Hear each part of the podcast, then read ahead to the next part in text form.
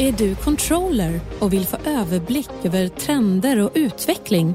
Vill du ta del av praktiska erfarenheter och inspiration från andra bolag?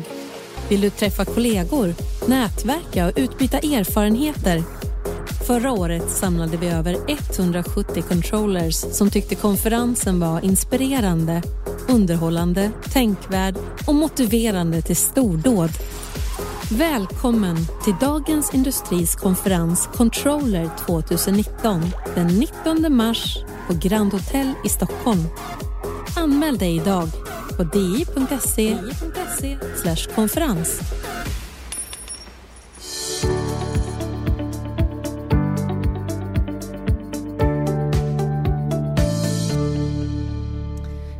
Och välkomna till ett nytt avsnitt av Smarta pengar, en podd om privatekonomi från Dagens Industri. Och vi som står här i studion heter Jenny Pettersson och Hans Bolander. Och vi skriver ju till vardags om privatekonomi i DI då. Precis, både på sajten och i tidningen. I tidningen, precis. Idag så tänkte vi ta upp tre olika ämnen. Man kan säga att man, vi har en liten godislåda med tre bitar i. Eller? Ja, verkligen. Och det är ju vänliga veckan också så det passar på att vi får bjuda på det. Eh, det vi, vi ska prata lite om deklarationen. Vi ska prata lite om bostadsmarknaden och vi ska prata lite om det fruktade orangea kuvertet. Som ingen öppnar nästan, eller få i alla fall. vi får väl se. Vi ska fördjupa oss i det lite senare men vi börjar med deklarationen. Det är ju faktiskt inte förrän den 2 maj som deklarationen ska vara inlämnad så det kanske kan tyckas lite tidigt att börja prata om det. Men det finns ju en anledning till att vi gör det idag Hans. Ja, och när vi spelar in det här så är det 12 februari och det är faktiskt eh, sista dagen som man kan klara sig utan att betala en så kallad kostnadsränta i gemene mans mun kvarskatt för stora belopp, över 30 000. Du har grottat ner lite grann i de här reglerna. Ja, nu är det ju faktiskt så att det, från och med eh, den 12 februari då, så påförs det ju ränta på det här beloppet varje dag. Men den här räntan är ju i ärlighetens namn väldigt låg. dag för dag ränta 1,25 procent om året. Ja, det blir eh, några tior om man låter bli att betala om man har en skuld på några tiotals tusen liksom, och, och vänta med det i några månader. Så, så det handlar inte om några jättestora belopp, men det gör ju att man börjar tänka på de här frågorna och de det berör är ju de som har stora summor med kvarskatt och det är ju eh, till exempel då folk som har sålt bostäder under 2018 och eh, sålt med vinst och Exakt. då ska betala skatt på vinsten som ju är 22 procent. Det är ganska många. Ja, hur många är det som säljer en bostad? Ja, men ungefär, du tittade på 2017 års siffror som är de senaste, då var det 107 000 bostadsrätter som såldes och 55 000 småhus. Så att räkna med 150-160 000 under ett normalår. Det är rätt mycket pengar det handlar om. Ja, ja mm. absolut. Och sen, sen finns det ju andra också som har gjort kanske stora kapitalvinster på aktieförsäljningar eller motsvarande. Just det. Eh, men då växer frågan, för den som då har använt eh, vinsten för att köpa en ny bostad, ska man betala in skatten från försäljningen eller ska man ansöka om uppskov? Det finns ju med i överenskommelsen mellan eh, Socialdemokraterna, Miljöpartiet, Liberalerna och Centern att räntan på uppskovet ska försvinna. Exakt. Det står i den här januariöverenskommelsen. Men vi vet ju inte när eller ens hur det kommer att se ut. Kommer det bara gälla gamla uppskov, eller kommer det gälla även gamla uppskov eller kommer det bara gälla nya? Men om man inför den här förändringen så kommer det betyda ganska mycket eh, för Alltså det kastar om förutsättningarna lite för de som är i den här situationen. Det gör det verkligen. Och, men då ska vi komma ihåg att det, krävs egentligen en sak till då för att kasta om förutsättningarna. För att nu, har vi, nu är det inget tak på uppskov tillfälligt, för taket är tillfälligt borttaget. Det var 1,45 miljoner tidigare, men nu till sommaren 2020. Eh, men om det här ska få effekt, eh, stor effekt så tror jag man ska slopa taket eh, permanent, att säga. För i storstäderna så, så är ju reavinsterna ofta kan ju vara ett par miljoner. Det är, då, det är också då det börjar bli dyrt att ha ett skatteuppskov. Mm. Det är ju så att de senaste åren så har det varit mer lönsamt att låna för att betala skatten eftersom kostnaden för ett bolån, då, räntan på bolån med de ränteavdrag man kan göra, har då varit lägre än kostnaden för själva uppskovet. Och det har faktiskt krävts Eh, ja, alla eh, lån med räntor på max 3,25 procent eh, före ränteavdraget då, så är det bättre. Och det är ju sådana boräntor vi har idag, de ligger ju en bra bit under det. Sen är det inte alla som kan göra så, för man kanske inte har låneutrymmet. Man kanske behöver stoppa in varenda krona man har i en ny, ny ja, exakt, bostad. Ny affär, ja. Ja. Och då får man ju ta det här ja. uppskovsräntan. Men om man har haft det utrymmet så har det varit mer lönsamt att betala av skatten och öka Precis. sin belåning. Men om räntan försvinner så blir det ju inte så längre. Nej, då har man en, en gratis skattekredit så att säga tills dess, till man, tills mm. dess att man säljer sin nästa bostad. Då. Man ska komma ihåg att det här gäller bara permanentbostäder. Det är inte, om du, inte fritidshus, nej. nej. precis. Du ska ju bo där permanent, vara skriven där också. Det finns mm. vissa regler där. Utmärkt är att tanka ner broschyren eh, som handlar om det här, Skatteverket, där står allting, för det är ganska krångliga regler. Ja, det är ganska krångligt, men det är jättebra tips att göra det. Hur, hur skulle du ha gjort Hans om du var i den här situationen? Om eh, jag hade haft eh, kontanter över efter en bostadsaffär så skulle jag betala uppskovet. Om jag också såg att jag har inget större behov av det här, ska inte göra en ny bostadsaffär eller någon större renovering eller sådär. Så då, men om jag till exempel skulle vilja ha så mycket pengar som möjligt för en renovering, det är inte orimligt att man när man köper en ny, eller man kanske inte har köpt den här nya bostaden ännu och inte är osäker på vad den kommer att kosta. Då skulle jag eh, behålla uppskovet och begära uppskov. De måste ju begära det i deklarationen och ta den kostnaden och så vänta något år här och se, för jag tror det kommer dröja innan vi får se de här, hur reglerna blir.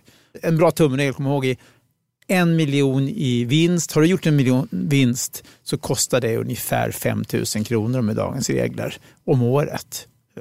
Så att det är väl en bra tumregel, så får man själv Men som sagt, jag skulle inte betala av skatten då om jag tror sannolikt att jag behöver pengarna framöver. Mm. Jag skulle nog också ha avvaktat i alla fall ett tag. Eh, det kan ju dröja, vi vet ju ingenting om hur den, som sagt, eh, hur den här överenskommelsen, hur det kommer bli, men man, eh, man kan ju hoppas då att man kommer komma med något tydligare besked inom något år eller så. Men... Ja, eller, alltså, på något sätt tycker jag att det, det där måste de ju sätta fart på och komma med besked, för annars kan det ju liksom stora delar av marknaden nästan stå stilla för att folk är osäkra vad det är som gäller och så gör de inte affärer och det är inte bra heller. Nej, precis.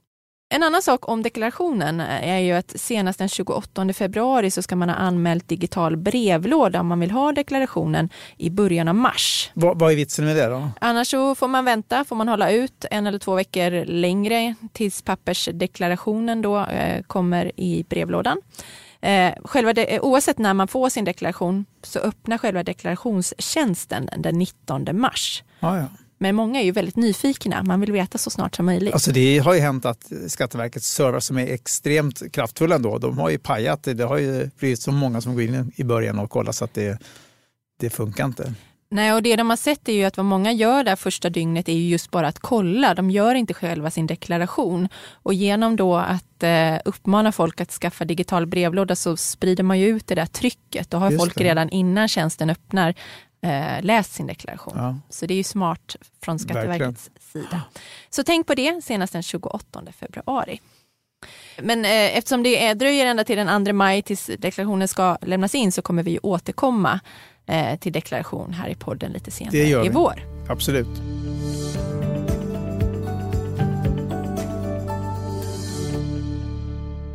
Vårt nästa ämne för, eh, för, den här, eh, för det här avsnittet är bostadsmarknaden. Vad Hans kan man säga har hänt på bostadsmarknaden den sista tiden med priser och så? Jag kan säga att eh, den här stabiliseringen och viss återhämtning vi såg förra året, det är, nu är det lite vinterkyla igen på bostadsmarknaden. Så att om man tittar på den senaste tre statistiken så hade priserna backat med i snitt 3 procent, både på villor och bostadsrätter runt om i landet enmånadsstatistik tycker jag alltid man ska ta med en nypa salt. Det är så mycket tillfälligheter som kan göra. Och på ett års sikt så är priserna oförändrade. Så att en stabilisering kan man definitivt säga att det är. Det kommer nya bostadssiffror rätt snart. Som Valueguard gör så får vi se om den här trenden står sig. Men, eh, det görs ju väldigt mycket prognoser från olika håll. Vad, så vad pekar verkligen. de på?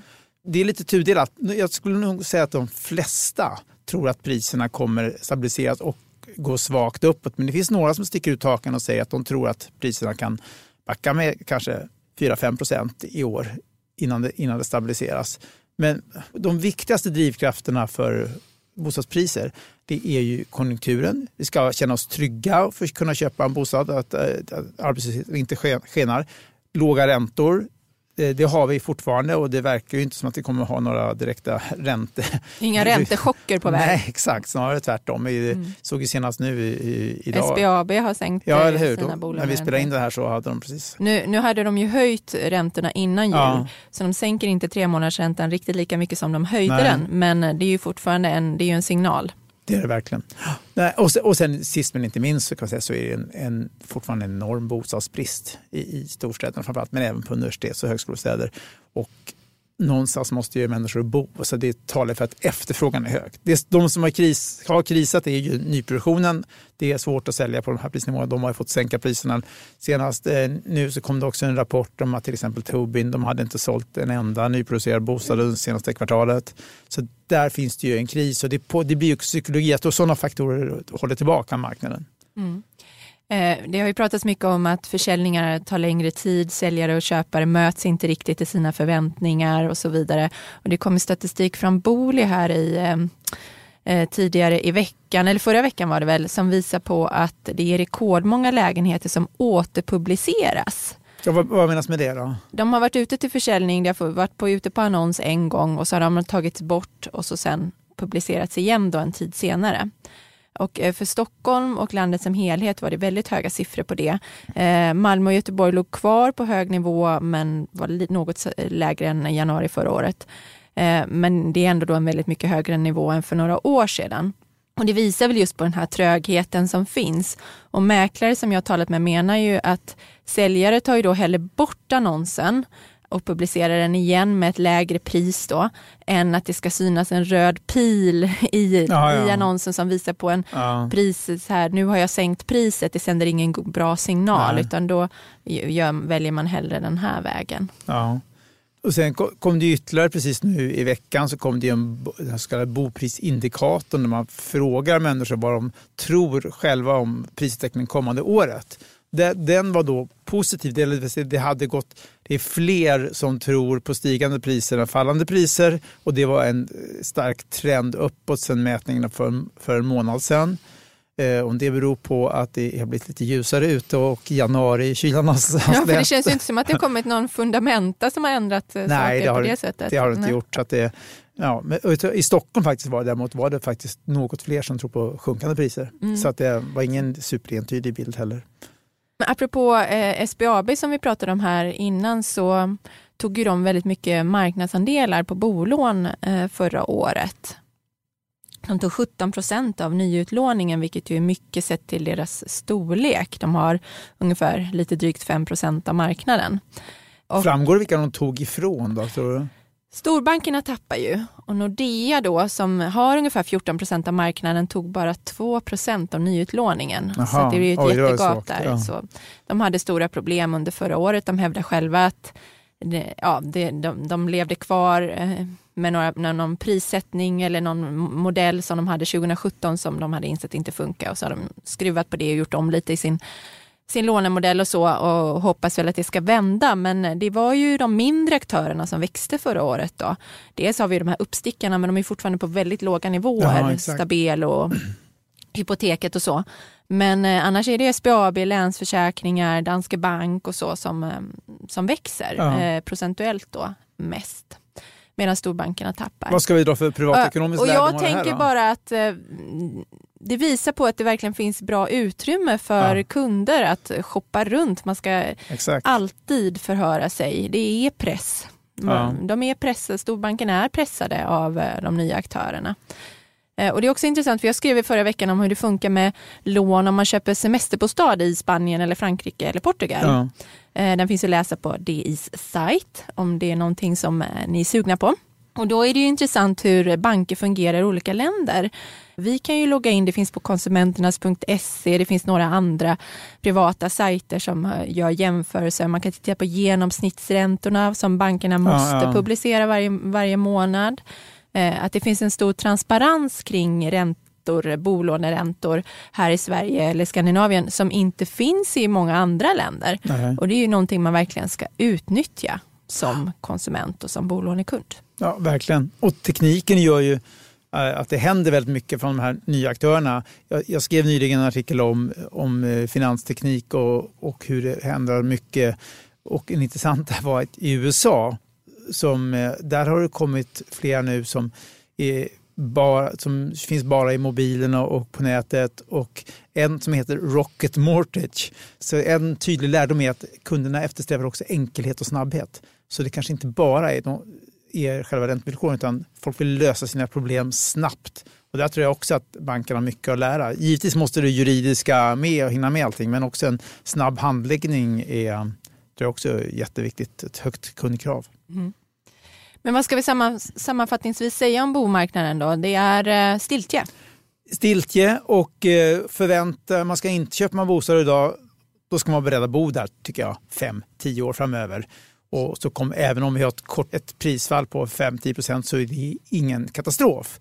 Men eh, kanske basscenariot är nog ändå att priserna tuffar på, kanske i takt med inflationen och så, närmaste åren. Men eh, ta inte för stora lån, det tycker jag också försök att hålla nere. Köp inte kanske den där supervillan eller jättesekelskiftslägenheten. Den ligger lite lägre så är man inte Även så sårbar. Även om det är frestande. Exakt.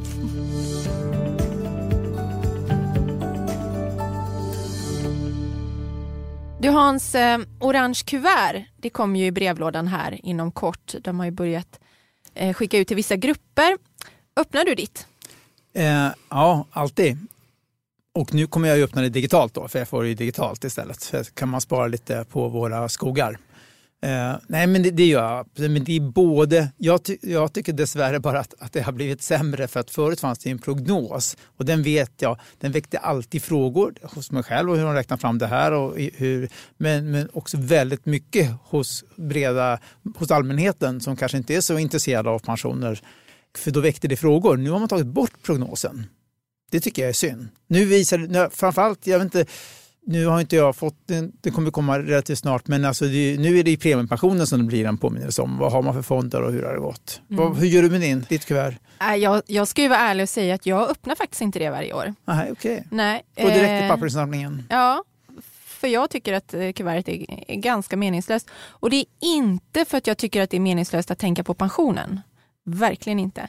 Men till mitt försvar dock så kan jag ju säga att Pensionsmyndigheten har ju också försökt, de har ju faktiskt försökt avskaffa det här utskicket. För de ser ju då, det kostar jättemycket att skicka ut det. Och så vet man genom undersökningar att väldigt många inte läser innehållet. Och bland de som gör det så är det många som missuppfattar och tror att det här är hela pensionen, vilket ju inte stämmer. Nej, nej det är sant. För att tjänstepensionen ingår ja. ju inte där. Och det är ju en anledning till att man har tagit bort prognosen. Ja. För att folk fick väl lite lätt panik då. Så här, är det det här jag kommer få? Ja. Dels så är ju prognosen eh, behäftad med mycket osäkerhet ju yngre du är. Exakt, ja ja. Och så sen är det ju bara den allmänna pensionen och då får man betänka att många grupper kommer få en jättestor del av sin framtida pension från sin tjänstepension. Kanske upp, ja, en tredjedel av din inkomst kommer vara tjänstepensionen. Eh, och om man inte förstår det, ja. då är det ju inte så konstigt om man lätt får panik. Nej. Eh, så jag tycker ju att eh, alltså det, man får, så det man får veta nu är ju just hur mycket som har betalats in till den allmänna pensionen. Det är ju väldigt abstrakt då eftersom man inte får prognosen. Eh, och sen så har jag mitt eh, premiepensionssparande i Sofan. Eh, jag har aktivt ja. valt den och jag har inga planer på att ändra på det. Eh, det kan komma några dåliga år men jag tycker ändå att det är en långsiktigt bra lösning. Så att för mig är inte heller den uppgiften men det är ju för att jag är intresserad av de här ja. frågorna och kollar ändå loggar in på minpension.se. Det, där finns ju hela pensionen samlad, vad du har för vad du har tjänat på dig från ja, olika håll. Det kan man verkligen slå slag för minpension.se. Och du kan ju ta, komma till, eh, till de eh, uppgifterna via Pensionsmyndighetens sajt ja. också. Så att om man gör det, då, då kan man ju, eh, då behöver man inte skämmas för att man slänger orange kuvert. Nej. Men som sagt, att slänga orange kuvert är inte en uppmaning till att inte tänka på pensionen. Nej, exakt. Jag får säga så här, en del blir väldigt upprörda över att eh, många inte läser eller bryr sig om sin pension.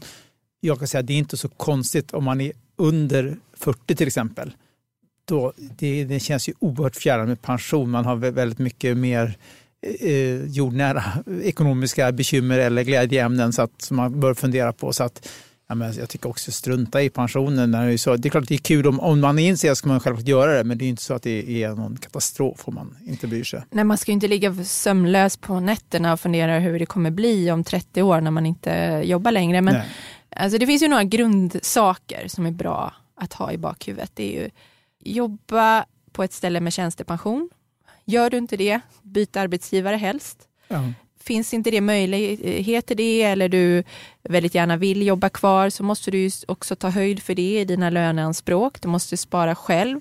Eh, det är en lösning som är lite sämre eftersom det finns väldigt bra villkor för sparandet inom ramen för den upphandlade tjänstepensionen. Uh -huh. Men, eh, men det är ju bättre än ingenting såklart eh, att spara då men det kan ju handla om, beroende på hur, vilken inkomst du har, så för att komma upp i samma summa som eh, annars en arbetsgivare hade satt av, så kan det ju handla från allt från då ett par procent till kanske 15-20 procent av din lön som du måste, faktiskt måste spara, för det är så mycket tjänstepensionen ja, ja, ja. Kan, kan vara. Det kom en, en, en ny undersökning nyligen från Collectum som är en valcentral för tjänstepensioner att det är fortfarande ganska många som inte har valt om tjänstepension till nya upphandlade fonder där avgifterna är väldigt mycket lägre. Så jag kan ju dela deras uppmaning i att om man inte har sett över sin tjänstepension heller, så gå in och titta igen. Vad har du för fondval eller bolagsval och du kanske kan vara beredd att byta till några med lägre avgifter. Särskilt om man inte är så aktiv och håller på minst en gång om året och flyttat. Då, då tycker jag definitivt man ska välja några breda fonder med låga avgifter. Ja, så ha koll på att du har tjänstepension. Var medveten om att långvarig deltid får stor påverkan på din pension. Ja. Och ja, jobba vitt helt enkelt. Det ja, ska man ju göra. Ja, exakt. Där tror jag liksom att kanske svartarbete och sån här typen av ganska mycket har försvunnit i takt med att man, för, man har rot och rutavdrag. Men det är klart att det finns det säkert kvar på en massa sektorer i samhället. Så det är ju de sakerna man bör ha i bakhuvudet eh, genom hela livet och sen behöver man inte hålla på och tänka för mycket på pensionen. och, och ett annat säga. pensionsråd är kanske egentligen att faktiskt eh, ha en, försöka se till att ha en bra hälsa så du orkar, orkar och jobba, kan ta hand om länge. dig. Ja, mm. exakt. Ja. Och det gäller ju både den fysiska hälsan men också psykiska och, och vidareutbildning. Man ska inte vara rädd för att eh, läsa vidare. Har man gjort ett, eh, man vill byta yrke så, här, så har vi väldigt bra möjligheter i Sverige ändå liksom att relativt eh, billigt plugga vidare eller byta yrke också. Eller man kan ju få omställningsbidrag och sånt också. Så att, sånt är viktigt också för pensionen i långa loppet. Men vi kanske också ska säga något lite mer om premiepensionen eftersom det då finns med i det här kuvertet. Man ser hur mycket som har satts av till premiepensionen. Eh, det är ju 2,5 procent av din inkomst eh, varje år som sätts av till premiepensionen. Och så, så kan man ju då se hur fonderna har gått. Och eh, det, det är väldigt, väldigt få som byter fonder eh, varje ja. år. Ungefär 6 procent tror jag de senaste siffrorna var av alla eh, som har ett PPM-sparande. Men hur tycker du? För jag har ju då som jag redan nämnde, jag har allt i soffan och känner mig nöjd och trygg med det. Hur resonerar du? Nej, men jag, eftersom jag då är, kanske ska jobba fem, sex år till innan jag går i pension, eller sju, eller åtta eller nio, vi får se. Va, eller 10 eller 12. Eller? Ja, vad, arbetsgivaren säger också, hur länge de vill ha mig kvar. Men, men givet det ändå så sänker jag ju risk. Jag vill inte ha 100% aktier, jag drar ner lite grann. Och, men det kanske inte mer av det skälet att jag ska börja plocka ut pengar om en 7-8 år, mer av skälet att jag tror att börsen är ganska fullvärderad. Vi har haft en väldigt långvarig börsuppgång så att jag tror att förr eller senare får vi en ganska rejäl sättning och då kan man ju välja antingen lite mer defensiva fonder som man tror klarar sig bättre under ett börsfall eller så kan man ju välja kanske ha en tredjedel av eh, typ eh, företagsobligationsfonder och två tredjedelar aktier för att sänka risken något. Så, lite, så har jag resonerat i, i uttaget nu med mina fondval, sänka risken något. Men mer av eh, faktiskt en tro om att börsen har lite grann nått vägs ände för den här gången. I långa loppet så håller jag verkligen med, då är det bara att ligga kvar i aktier. Ja, och även om du skulle jobba tio år till så kan man nog anta att jag kommer jobba lite längre. Det får jag verkligen hoppas. så att, så att därför så känner jag mig helt trygg med att ha 100 procent aktie, ja. aktieinnehav då, vilket det ju är i så fall eh, så länge man är, är under 56. 100% aktier, jobbat i 100 år. 100-100, lätt att komma ihåg. Ja, om eh, medelåldern fortsätter att stiga så kanske man ändå får några goda år efter det, vem vet? Ja, absolut. Det var eh, allt från eh, Smarta pengar idag. Podden redigeras av Umami Produktion och ansvarig utgivare är Peter Fällman. Vi vill innan vi eh, säger helt hej då här passa på att eh, tipsa om DIs andra poddar som ni hittar via vår sajt och på Acast. Och där finns bland annat Analyspodden. Ja, vi har Makrorådet, eh, vi har Digitalpodden, vi har DIs Morgonkoll och Jättebra för att få bra koll på vad som ja, händer under dagen. Ja, den, den har blivit populär snabbt. Mm. Och sen har vi Förnuft och känsla som är djupintervjuer med olika företagsledare. Mm. Så det finns mycket att välja på. Det finns det. Alldeles gratis också. Helt gratis, så lyssna på dem. Och så hörs vi igen. Hej då!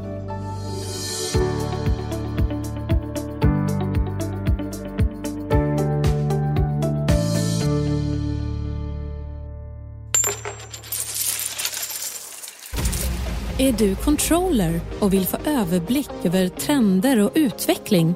Vill du ta del av praktiska erfarenheter och inspiration från andra bolag?